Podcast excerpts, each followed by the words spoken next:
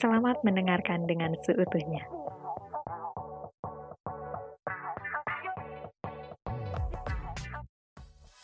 Halo, kembali lagi bersama saya Eva. Uh, di sini udah ditemani lagi bersama member ekip berikutnya, yaitu Nadira Salma Nur Aini. Halo, Dedot. Halo Eva. Itu openingnya kan Nadila Salma Nur Aini, tapi kok aku halo Dedot ya Dot? Ya, biasa mau, mau manggil Dedot, mau manggil Nadila juga seenaknya Eva. Ya, seenaknya aja. Nah, awal mula Dedot tuh dari mana sih, Dot? Awal mula nama nah, Dedot jadi, gitu ini tuh banyak dipertanyakan kan sama orang-orang. Mm-hmm. Jadi awal mulanya Dedot tuh karena uh, pas SMP dari SD sih sebenarnya dari SD aku tuh uh, anak bawang gitu kan paling muda gitu. Mm-hmm. Masuknya umur lima tahun di SD tuh. Terus mm-hmm. jadi dipanggilnya Dede gitu kayak Dedila, Dedila gitu.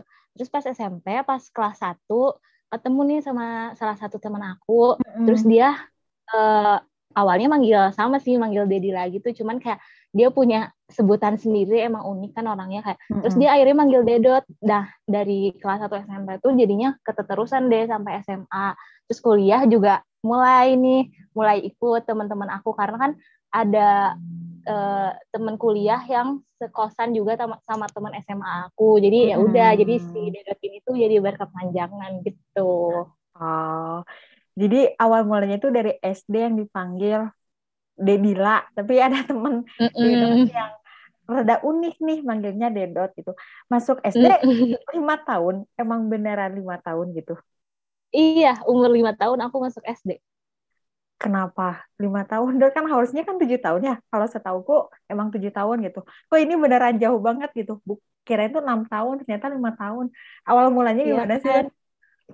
Uh, uh, jadi kayak emang aneh aja gitu anaknya kayak orang-orang kan betah ya di TK gitu. Yeah. Tapi aku tuh kayak bosen gitu kayak bosen bikin cepet-cepet SD gitu.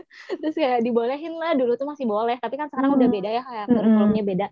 Jadi sekarang udah harus tujuh tahun kan. Gak tau sih mm -hmm. ada yang masih boleh enam tahun atau enggak. Cuma pas aku tuh masih bisa lima tahun dan SD-nya juga maksudnya ada uh, di sana ada saudara aku gitu jadi bolehlah gitu hmm. jadi anak bawang aja gitu karena bosen awalnya bosen di TK gitu padahal sekarang pengen balik lagi gitu berarti kecil banget ya lima tahun tuh beneran masih kayak anak kecil yang masih mewarnai terus kayak masih main-main hmm. tapi ini udah masuk SD sempat merasa kesulitan hmm. masih ingat nggak dot aku kalau nanya masih merasa sempat kesulitan nggak inget inget oh, inget dulu tuh karena dari TK aku di ini banget ya kayak uh, gencar banget ibu aku tuh ngajarin baca tulis kayak gitu-gitunya itu udah dari TK dari umur oh. 4 tahun juga aku udah bisa udah bisa baca tulis gitu wow. karena emang serajin itu ibu tiap malam meskipun hmm. kerja sambil dimarahin sih kak.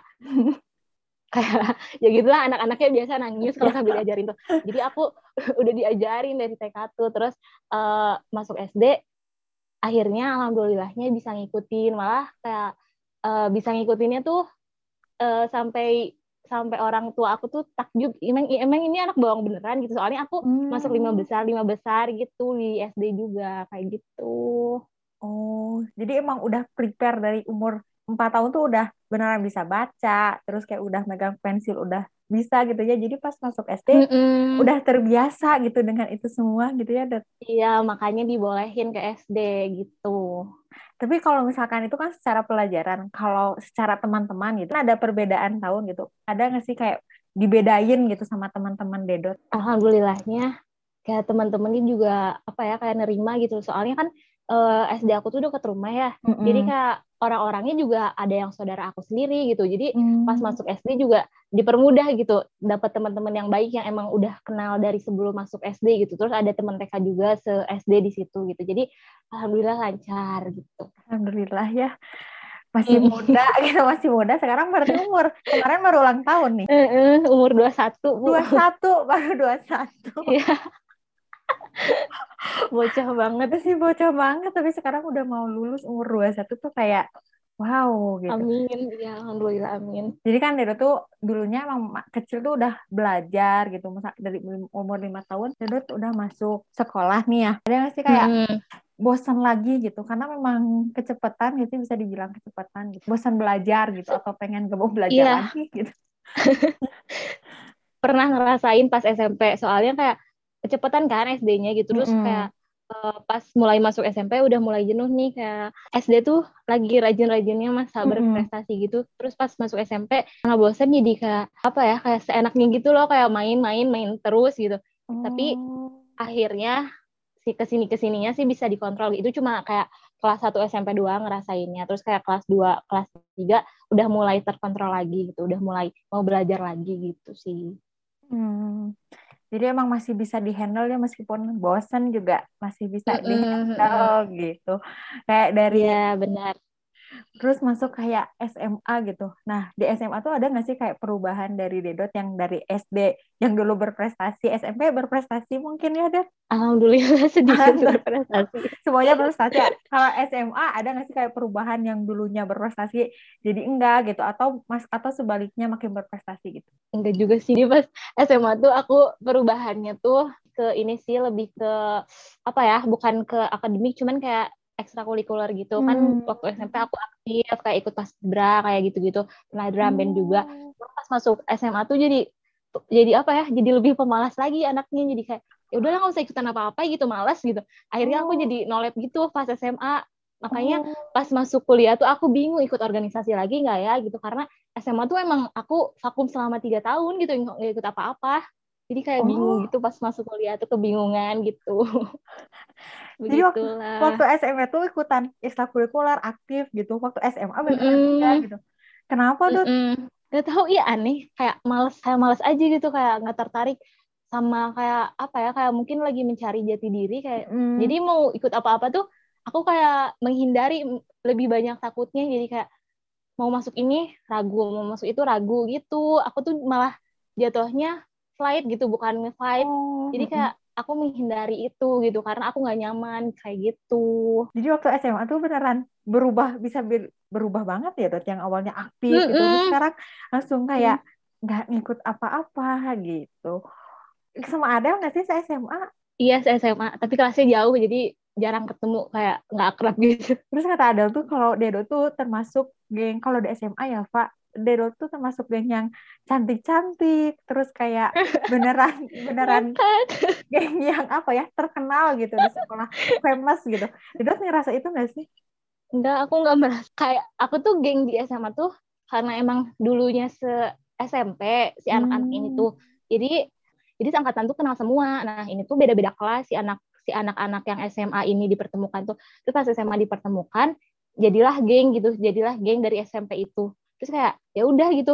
Uh, maksudnya nggak nggak menganggap geng juga gitu. Kayak ya udah temenan aja karena kita udah kenal sebelumnya jadi enak ngobrolnya gitu. Meskipun gak sekelas dulunya tapi adalah papasan-papasan gitu. Jadi nyambung gitu. Terus kayak apa ya kayak aku tuh nggak merasa itu sebuah geng dan karena masih menurut aku ya karena masih ada yang lebih cantik-cantik lagi dan famous-famous lagi jadi aku nggak merasa kayak gitu ini menjujur tapi Denot nggak nggak berasa gitu. Tapi mungkin Denotnya nggak berasa nggak sumpah.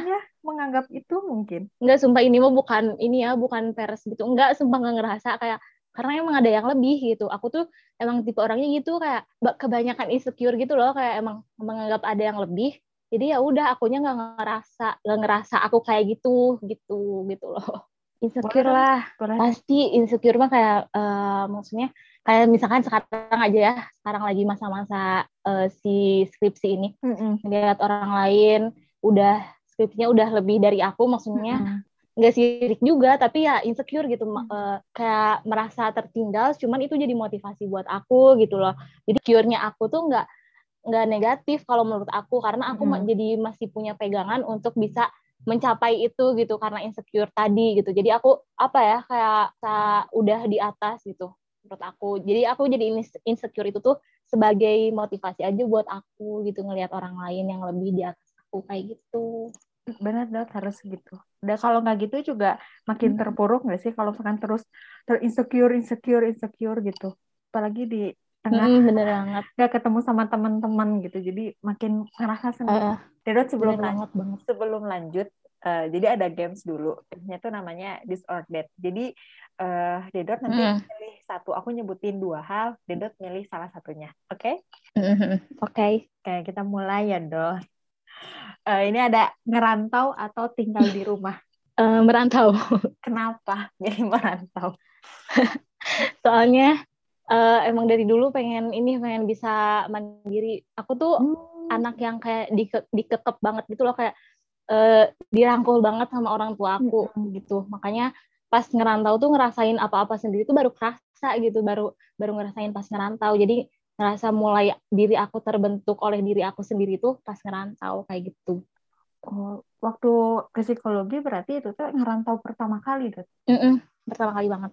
Nah, kan dulu emang beneran dia tuh terlihat yang bener anak mami gitu loh sih? Menurut aku ya menurut mm -hmm, aku. kan iya kan? Iya terus pas nge, pas ngerantau gitu emang diizinin gak sih sama orang tua Dedot kayaknya sih orang tua aku tuh kayak uh, apa ya kayak ada perasaan susah ngelepas ini gitu. Karena aku juga baru anak-anak pertama yang ngerantau gitu. Teteh aku nggak hmm. ngerantau gitu karena kuliah di sini kerja di sini gitu. Hmm. aku pertama kali dan emang aku tuh ini kan dirangkul banget sama orang tua aku. Jadi kayak mungkin ada perasaan itu cuman karena ya buat anaknya gitu anaknya apa ya kayak bukan hal negatif gitu. Aku ngerantau mm. tuh buat ngejar buat ngejar uh, akademik gitu. Mm. jadi dibolehin meskipun pas awal-awal ngekos tuh pas masih ospek aku masih ditungguin masih oh, iya? masih nginep orang tua aku dua-duanya. Aku tuh sampai sampai sekarang sampai sekarang ke Bandung tuh selalu dianterin pak. Selalu dianterin nggak maksudnya kalau aku sendiri nggak boleh nggak boleh naik umum kayak gitu. Oh, oh aku baru tahu dot. Aku baru tahu beneran. Waktu ya, awal, awal waktu awal awal tuh beneran nginep kedua orang tua deh dot. Mama sama uh, uh, nginep di nginep di kosan Zara tahu. Terus tahulah yang sekosan sama aku masih ada ibu papa aku gitu. Aku tuh sampai bilang jangan ditungguin atau malu deh yang lain juga nggak ditungguin gitu kan. Terus yang nggak apa-apa tuh kenapa malu cina ya? Terus udah baru baru pas abis ospek itu abis mau kaku mm -hmm. baru orang tua aku ini pulang itu sampai mau nungguin sampai sekhawatir itu gitu seminggu deh kayaknya oh, pas mau kaku aja disiapin kayak gitu-gitu oh. peralatannya kayak aku tuh nggak mandiri bang nggak se sega mandiri itu karena emang hmm. selalu disuapin gitu terus kayak sebenarnya aku nggak minta cuman kayak mm -hmm. ya udah sama papa aja ya udah sama ibu aja gitu jadi uh, akhir-akhirnya pas aku ngerantau tuh ada sih keperasaan kayak aduh aku harus ngelakuin apa-apa sendiri nih mulai harus bisa sendiri gitu nah dari situ hmm. makanya aku memilih untuk merantau tuh ya enak gitu karena hmm. karena udah bisa apa-apa sendiri jadi aku merasa diri aku berkembang saat aku merantau gitu benar benar kalau nggak ngerantau mungkin ya masih aja gitu kayak dulu hmm. gitu nah hmm, pernah bener. pas awal-awal tuh pernah nggak ngerasain homesick gitu pernah pernah banget aku aku nangis tuh pulang kampus gitu kayak ke kosan teman terus uh, mm-hmm. ngeliat ibu kayak bu kangen kangen rumah gitu terus kayak ibu aku udah tuh jangan kan aku ngepap ya ngepap mm-hmm. udah tuh jangan ya silakan uh, belajar di sana juga gitu pokoknya kayak pernah homesick gitu cuman kan aku sekosan juga sama temen SMA mm-hmm. aku gitu ya awalnya terus uh, ada temen kuliah juga yang sekosan sama aku kayak Zara Adila kayak mm-hmm. gitu uh, Jasa udah aku ada temen nih ada banyak temen di kosan gitu. Jadi nggak terlalu lama juga homesicknya. Karena teman-teman aku geng aku semuanya di UPI nggak semuanya sih ada yang di Unisba hmm. juga. Tapi kebanyakan di UPI gitu. Jadi kita bareng-bareng di sana gitu ngelewatin itu. Karena mereka juga merasakan hal yang sama gitu. Hmm. jadi kayak oh, aku nggak sendirian gitu. Terus ada lagi nih Bandung atau Sumedang? Um, aduh susah ya. Ini harus cepat nggak kan? Boleh Enggak, mikir. Kan? boleh mikir dulu Oh, boleh mikir. Boleh dong. Uh, apa ya? Kayaknya Bandung deh. Kenapa dot Bandung? Karena lebih luas aja gitu meskipun perjalanan di sana memori di sana banyak yang banyak yang menurut aku kurang gitu ya. Cuman lebih luas aja kayak dari merantau tadi. Terus aku tuh kayak kepikiran gitu kalau mis dari dari kuliah ya, kalau misalkan udah lulus aku pengen kerja di Bandung gitu pengen punya rumah di Bandung karena emang seenak itu Bandung tuh gitu hmm. tapi aku nggak maksudnya ini mah nggak uh, nggak nggak ngomong di Sumedang nggak enak juga ya kayak hmm. enak juga cuman aku merasa diri aku lebih apa ya lebih berkembangnya di Bandung gitu hmm. lebih banyak prosesnya di Bandung gitu karena mungkin Dedot kan sendiri di Bandung belajar mandiri juga di Bandung terus banyak hmm. menemukan perspektif juga di Bandung explore di Bandung juga hmm, gitu. bener itu setuju banget jadi Bandung meskipun Sumedang juga yeah. memberikan itu semua iya banyak warna banget banget maksudnya nggak nggak bukan berarti Sumedang juga nggak berkesan untuk aku gitu sangat berkesan gitu karena Sumedang adalah tempat kembalinya Dedot. Hmm. Iya bener, witis banget ya ibu ini. bener dong Dot. Nah yang selanjutnya nih Dot ada lagi diam yeah. di kosan atau hangout bareng teman-teman. Diam di kosan. Soalnya aku tuh tipe yang bisa diem di kosan sendiri. Maksudnya uh, tipe yang bisa diem lama-lama di kosan gitu kayak nggak ada bosan gitu. Oh. Kayak misalkan uh, ini ya kayak Sania, Sania juga kayak gitu. Terus beda, beda perbedaan jauhnya sama si Meta nih si Meta kan yang orangnya yang harus ke mana-mana banget ya mm. nah aku tuh bisa bisa sampai semingguan di kosan sendiri bisa karena emang bisa banyak yang aku lakuin sendiri gitu meskipun itu mm. cuma nonton juga aku ngerasa itu enjoy karena aku introvert banget mungkin ya anaknya. Jadi ya udah gitu diem di kosan juga nggak masalah kayak gitu. Cuman hangout juga hangout juga seru gitu. Cuman aku bisa yang diem di kosan sampai berminggu-minggu sendirian. Nggak nggak milih keluar gitu. Aku lebih aku prefer di kosan Sania daripada hangout hmm. ngerjain tugas di luar. Karena emang susah anaknya susah susah nugas di luar yang berisik gitu. Jadi itulah paling kosan aku kosan Sania kosan aku kosan Sania gitulah anaknya tuh homey banget gitu. Anak rumahan banget gitu Dedot tuh. Bener bener, bener. teman-teman aku tuh bilang kayak ih si Dodot di di kamar terus uyuhan karena kayak hmm. uyuhan gak bosen kayak nggak keluar keluar gitu. Sampai greget gitu teman-teman aku. Tapi aku tuh nyaman nyaman aja gitu ngelakuin itu. Nggak nggak ada yang di nggak ada yang dilakukan pun aku nyaman gitu. Di rumah pun sama dot. Kayak jarang gitu iya. ketemu sama temen gitu. Nah kalau sekarang tuh uh, minimal seminggu lah sekali ketemu sama mm -mm tapi ya kebanyakannya kan enggak juga gitu. Maksudnya seminggu sekali ada enam hari gitu yang yang enggak aku ketemu sama temen ya aku gitu di rumah diem. Dan itu tuh nggak bosan menurut aku ya biasa aja gitu. Kayak sehari-hari aku kayak gitu diam di rumahnya tuh ada alasan tuh. Nah, Dedo tuh berarti tipe orang tipe orang dan teman-temannya tuh yang mainnya tuh rumah ke rumah gitu. Bukan yang kafe gitu-gitu. Atau emang suka pergi keluar gitu jadi kadang kadang di kafe kadang di rumah tapi kebanyakan di rumah gitu hmm. karena emang lebih enak kali ya yeah. main di rumah tuh lebih ya mau ketawa-ketawa yeah. bebas gitu terus kayak mau berisik bebas gitu tapi kan kalau di kafe tuh rada ada kagok-kagoknya hmm. gitu aku kebanyakan sih di rumah cuman nggak nggak di rumah terus-terusan juga pernah ke kafe kayak gitu-gitu di hmm. sini pun cuman ya tergantung kondisi ekonomi ya. Bener, tapi emang enak di rumah gak sih kalau misalkan ketemu sama temen iya, tuh bener.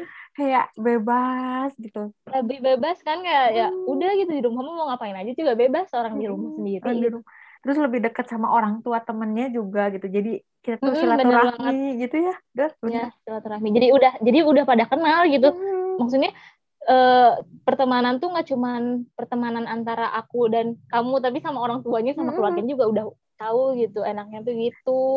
Di rumah tuh bebas terus makanan juga biasanya suka ini ya banyak gitu tak paling enak punya di rumah. Uh, uh, ih bener banget. Udah mah gratis kan? Udah mah gratis kan gitu. Terus kalau lama juga nggak apa-apa gitu. Malahan orang tuanya tuh suka uh, pada seneng bener. gitu nggak sih dot? Karena mainnya di rumah gitu ke kontrol hmm. kan kalau beda kalau di luar nggak tahu ngapain anaknya hmm. gitu. Oke okay, next dot. Sampai lupa nih okay. aku pesan uh, kosan sekarang atau kosan dulu?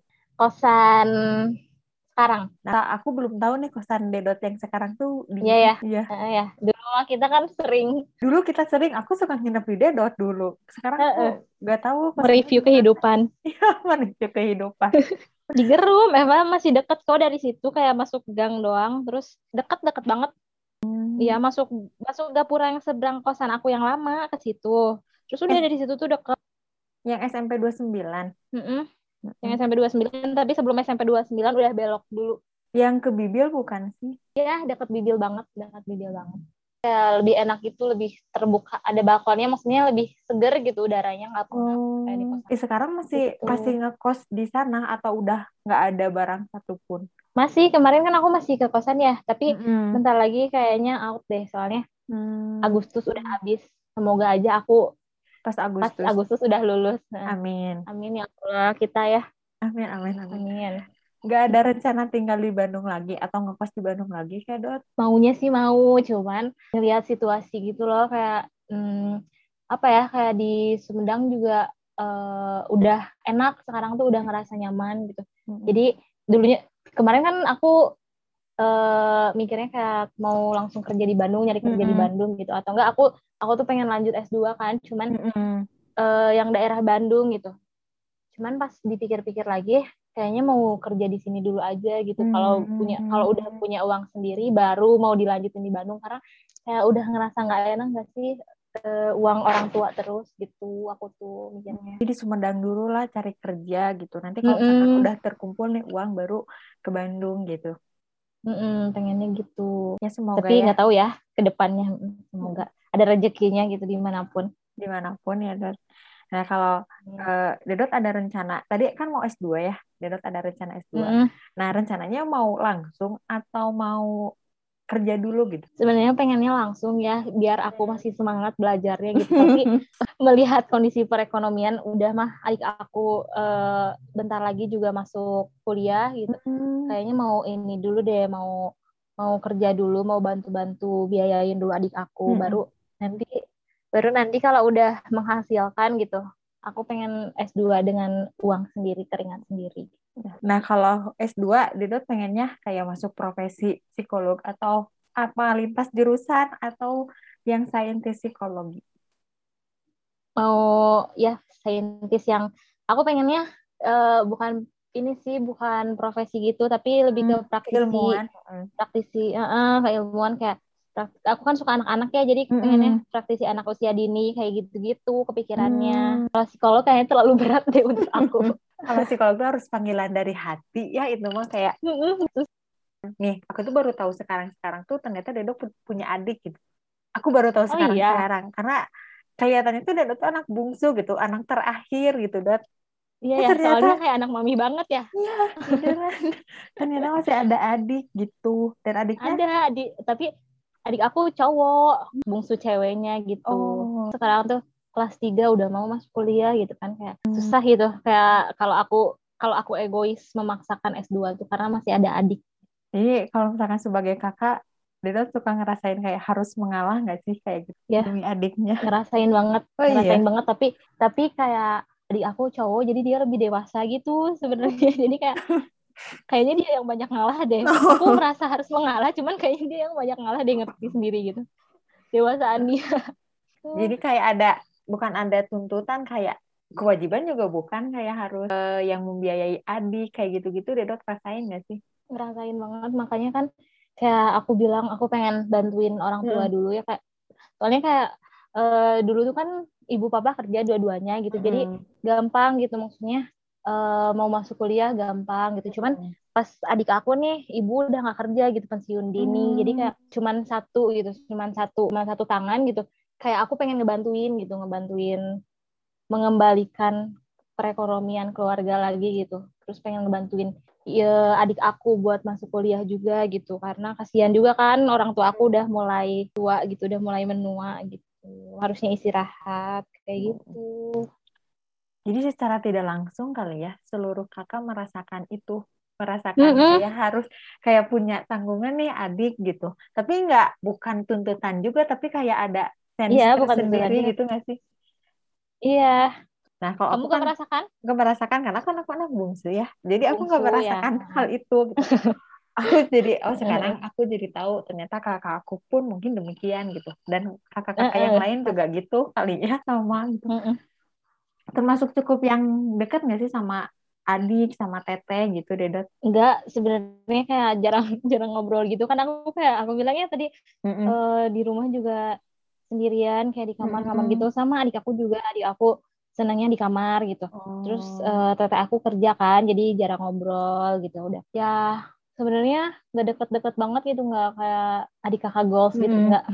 Cuman cuman ya ini masih saling saling merangkul lah gitu meskipun nggak terlalu dekat juga nggak sampai lepas banget ngobrolnya tuh sebutuhnya gitu ya kayak gitu. sebutuhnya masih suka berantau nggak sih dot sama teteh sama adik gitu. Enggak deh kayaknya kayaknya mulai semenjak aku ngerantau udah nggak pernah berantem. Soalnya soalnya aku banyak waktunya di Bandung kali ya. Jadi mm -hmm. pas ke Sumedang tuh ya udah gitu masa mau diajak berantem gitu pulang-pulang.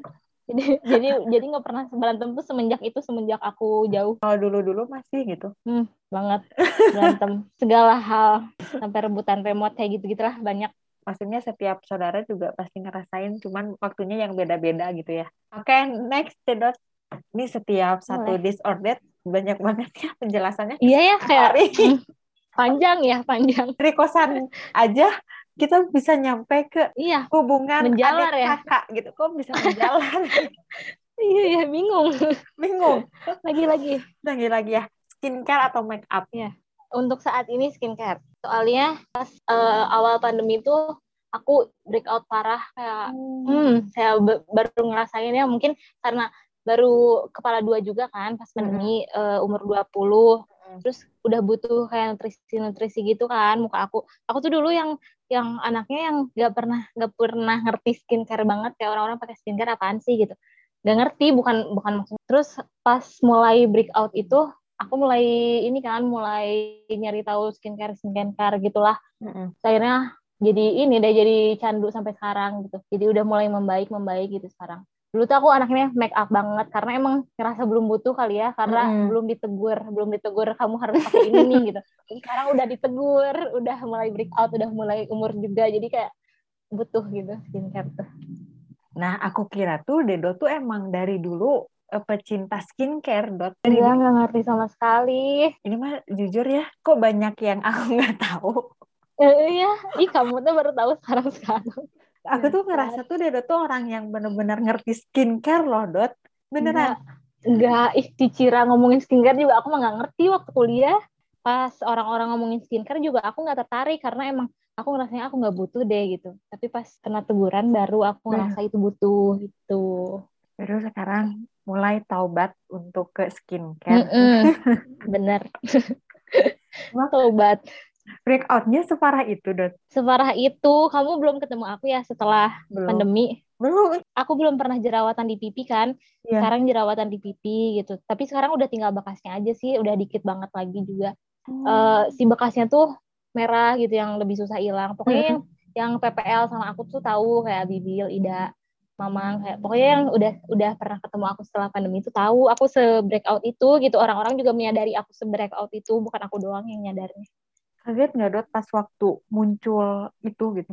Iya ih kaget banget panik ya. Aku tuh langsung ngechat Jalil gitu kayak nanya-nanya gitu. Tapi tetap aja gitu karena belum ngerti kan. Jadi hmm. sembarangan gitu belinya tuh dulu mah kayak nggak riset gari gak riset dulu. Hmm. terus setelah itu baru sobat aku teh riset riset dulu setiap mau beli teh jadi udah tahu udah kenal kulit sendiri juga kayak gitu. hmm. gitu tapi bersyukur sih dari situ jadi kayak apa ya kayak tahu gitu mulai tahu mulai kenal sama kulit aku gimana gitu terus kayak mulai apa ya menerima diri aku meskipun ada cacatnya gitu nggak cacat juga maksudnya nggak sempurna gitu mm-hmm. uh, lebih mulai pede lah dari sana gitu dari breakout itu gitu meskipun ada kekurangan tapi aku lebih pede pas breakout itu gitu karena belajar struggling juga gitu pas mm-hmm. munculnya tuh satu dulu atau tiba-tiba langsung emang banyak dok sebenarnya munculnya tuh satu-satu dulu ya cuman aku kan nggak bisa nggak bisa ininya kan nggak bisa ngatasinnya kayak yang tadi aku sembarangan gitu hmm. beli skincare-nya jadi jadi malah memperparah dari situ tuh kayak uh, dari muncul satu langsung seabrek-abrek semuka gitu maksudnya nggak semuka juga sepipi gitu ya sepipi mm -hmm. pipi kanan pindah ke pipi kiri gitu jadi kayak kaget banget gitu yang asalnya nggak pernah jerawatan di pipi tiba-tiba di pipi gitu. Kan hmm. lebih lama juga kan di pipi kayak yeah. hilangnya. Bener. Kaget bener. banget ya. Kaget kaget banget. Pasti dot ya udah dari situ kayak struggle. Kayaknya ini juga faktor masker nggak sih dot? Masker yang iya, kita faktor pakai. masker. Sama aku kan tadi kan aku bilang jarang jarang cuci muka. Terus kayak aku ngerasanya di rumah tuh ya udah karena emang udah kotor gitu karena di rumah ya aku nggak hmm. usah nggak usah eh, serajin itu cuci mukanya gitu jadi padahal kan di rumah juga banyak debu gitu nggak tahu kan kita nggak kelihatan cuman ya gitulah aku dulu nggak ngerti banget jadi gitu sebuah kesalahan Iya. udah terlewat. Semoga memberikan pelajaran ya tentang skincarean. Kalau skincare tuh beneran penting. Gitu. Next sih selanjutnya semester satu atau semester akhir? Semester akhir. Lebih ini tahu lebih maksudnya lebih hampang gitu. Lebih apa ya? Lebih banyak kegiatan kosong gitu. Sebenarnya aku doang ya yang banyak kegiatan kosong. Soalnya nggak produktif hidupnya gitu. Jadi kayak apa ya? Kayak skripsi kan, eh, skripsian doang. Terus kayak lebih banyak waktu luang dan lebih banyak memikirkan kehidupan kehidupan hmm. uh, ke depannya gitu kayak mulai nyari-nyari aku pengen magang nih di mana hmm. gitu kayak gitu kalau semester akhir tuh kalau semester satu tuh masih bobolonin pisan kan jadi kayak udah gitu. Sebenarnya kayak lebih iya lebih takut tapi lebih asik gitu. Karena emang udah mikirin segala hal di semester akhir. Lebih udah mau beres juga gitu. Jadi excited gitu aku aku teh. Excited untuk nanti ke depannya apa lagi ya? Ayo cobaan mm -hmm. apa lagi nih yang akan aku yeah. hadapi? Cobaan. Iya bener menanti cobaan gitu. Mumpung aku lagi free gitu ayo cobaan apa lagi nih yeah. gitu yuk masalah apa lagi nih yang mau datang gitu yuk masalah apa lagi gitu soalnya dulu mungkin ya uh, waktu semester satu ngerasain iya kita tuh beneran kayak sibuk gitu kayak banyak hal gitu sama teman-temannya sebagainya tapi nggak merasa mindfulness gitu nggak sih kayak masih kayak domba yang hilang mm. gitu kayak orangnya anak yang iya. hilang yeah. gitu kayak ya bener kayak uh, apa ya kayak masih mencari-cari aku ngapain di sini? Mm. gitu. Jadi kan nggak mindfulness kan? Mm -mm. masih apa ya masih belum diresapi gitu kehidupan kuliahnya. Kalau akhir kalau akhir-akhir tuh dinikmatin kayak meskipun susah meskipun takut tapi nikmat aja gitu. Karena emang dirasain banget. Karena kita mungkin udah tahu value dalam hidup kita gitu nggak sih dot? Kayak kita udah mm -hmm. tahu gitu value hidup kita itu meskipun cobaannya juga lebih lebih lebih banyak ya lebih, lebih banyak. tentunya lebih bertubi-tubi lebih bertubi-tubi tapi kita karena punya value jadi enak aja gitu semester akhir iya perubahan dari semester satu ke semester akhir tuh apa sih yang Dedot rasain gitu dalam diri Dedot yang berubah? Yang berubah tuh tentunya kayak aku merasakan semester satu tuh emang apa ya? Iya bener tadi kayak domba yang hilang, kayak lost banget gitu ya. Diri aku tuh kayak lost banget gitu. Kayak uh, apa ya? belum menemukan jati diri gitu ya. Meskipun hmm. sekarang juga masih masih mencari, masih tapi mencari. udahlah ada ketemu gitu, udah udah mulai kenal nih sama diri aku gitu dulu tuh emang anaknya ngikut alur banget gitu aku tuh gampang ke bawah hmm. arus jadi kayak oh ngikut-ngikut aja gitu awal semester tuh oh. sekarang tuh udah bisa apa ya udah bisa membatasi yang menurut aku itu emang udah harus dibatasi gitu kayak udah punya red flags gitulah terus kayak udah punya batasan juga gitu. Apa ya kayak udah berproses lah udah udah tahu banyak hal yang ini ini bisa ini nggak bisa gitu ini bisa dipaksain ini enggak gitu. Pokoknya kayak banyak pelajaran banget waktu dari dari pelajaran ke ke semester akhir tuh dari semester satu kayak panjang banget. Iya dulu tuh aku ngeliatnya Dot tuh tipikal orang yang kayak susah menolak orang gitu nggak sih Dot? Aku ngeliatnya mm -hmm. gitu tapi nggak tahu. Gak enakan ya? Kayak nggak enakan ke mana-mana, hayu gitu, apa-apa ikut gitu-gitu. Iya benar. Iya se sekebawa arus itu aku tuh kayak sekebawa arus itu kayak uh, orang minta tolong meski aku nggak bisa ya aku hmm. paksain gitu. Kayak gak enakan banget kan orangnya. Cuman hmm. kalau sekarang tuh ya aku ya aku bantu yang aku mau gitu. Yang aku emang mau aku bantu bukan karena nggak enakan gitu. Itu itu juga itu juga salah satu perubahan sih. Menurut aku perubahan yang cukup drastis dan cukup apa ya cukup mengubah gitu mengubah hidup aku. Kayak people pleaser nggak? People pleaser yang mm -mm, mm -mm. Ikut banget. aja gitu banget. Kalau sekarang yeah, Dedot udah punya batasan-batasan tersendiri gitu nggak sih?